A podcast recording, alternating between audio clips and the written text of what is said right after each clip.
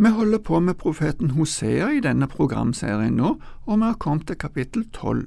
I dette kapittelet viser Gud hvordan Israels folk hadde fulgt skikkene i Kanan i stedet for å følge Jakob, stamfaren deres. De første tre versene peker på den løgn og troløsheten som kjennetegner både Israel og Juda.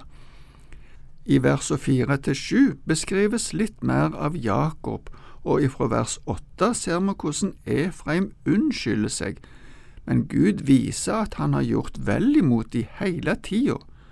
Vi leser nå først de første tre versene i kapittel tolv, altså. Efraim har omringet meg med løgn, Israels hus med svik. Men Juda holder seg ennå til Gud og er trofast mot den hellige. Efraim gjeter vind, jager hele dagen etter østavind. Han hoper opp løgn og vold. De slutter pakt med Assur og sender olje til Egypt. Herren fører sak mot Juda. Han vil straffe Jakob for hans ferd, gjengjelde det han har gjort. Efraim har kommet lengst bort ifra Gud, men det er tydelig at Juda òg er preget av dette, og derfor vil Gud føre sak, som det blir sagt, også mot Juda. Så blir navnet Jakob lagt til, for han er far til begge disse folka. Etterpå så skal vi se litt mer om Jakob, men først ser vi at Gud sier at Juda holder seg ennå til Gud og er trufaste. Når det gjelder Efraim eller Nordriket, beskrives de først med ordet løgn og svik. Så blir det sagt noe om at Efraim gjeter vind, det er et uttrykk som boka Forkynneren bruker ofte for å beskrive det som er forgjeves eller tomhet. Efraim sin gudsdyrkelse er forgjeves. Det oppnår ikke noe med den måten de søker Gud og avguder. Når dette utvides med uttrykket østavind, kan dette gi assosiasjoner i to retninger. For det første var den varme østavinden den vonde og ødeleggende vind. For det andre kan det få oss til å tenke på åndsstrømninger ifra øst, som på det åndelige plan var ødeleggende. Kontakten med Egypt og Assur innebar nok mer enn handel. Dessuten var dette farlig fordi Egypt og Assur var rivaler. Jakob fikk navnet sitt fordi han holdt i hælen til Esau, men det ordet ble òg brukt for å lure eller bedra, og det ser vi at Esau òg nevner etter at han hadde blitt lurt for velsignelsen som Isak ville gi han. Det står i Første Mosebok kapittel 27. Nå går Hosea over til å si mer om Jakob, og vi leser videre fra vers fire til sju. I mors liv holdt han sin bror i hælen, som voksen kjempet han med Gud. Han kjempet med engelen og vant. Han gråt og ba om nåde. I Betel møter Gud ham, og der taler han med oss. Herren, hærskarenes Gud, Herren er hans navn. Og du skal vende tilbake ved din Guds hjelp. Hold fast på kjærlighet og rett. Ha alltid håp til din Gud. Her nevnes ikke hendelsen som vi nevnte om velsignelsen, men etter at Jakob hadde flykta til det som nå var en del av Asyria, vendte han tilbake. På tilbaketuren, da han var redd for å møte igjen Esau, ble han alene på den ene sida av Jabok-elva, etter at han hadde fått familien og dyra over til den andre sida. Der kom det en mann og kjempa med han, står det i Første Mosebok kapittel 32. Vi ser òg der at Jakob oppfatter at denne mannen var Gud. Her kalles han Gud og engel.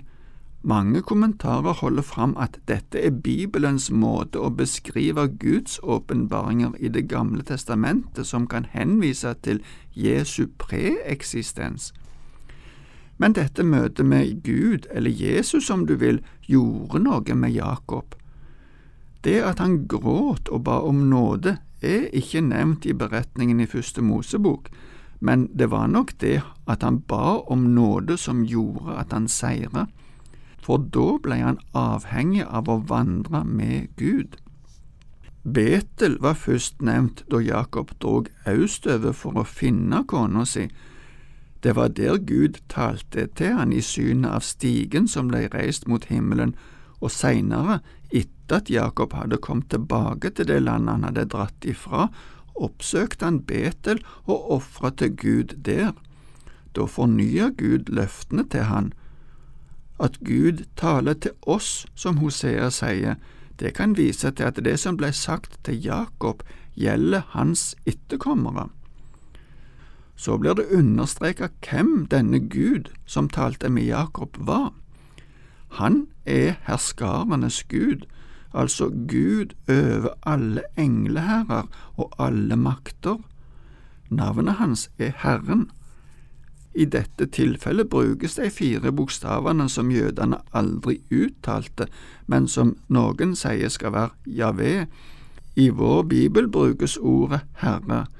Det er slik Gud presenterte seg for Moses som Jeg er. Altså den alltid nærværende Gud.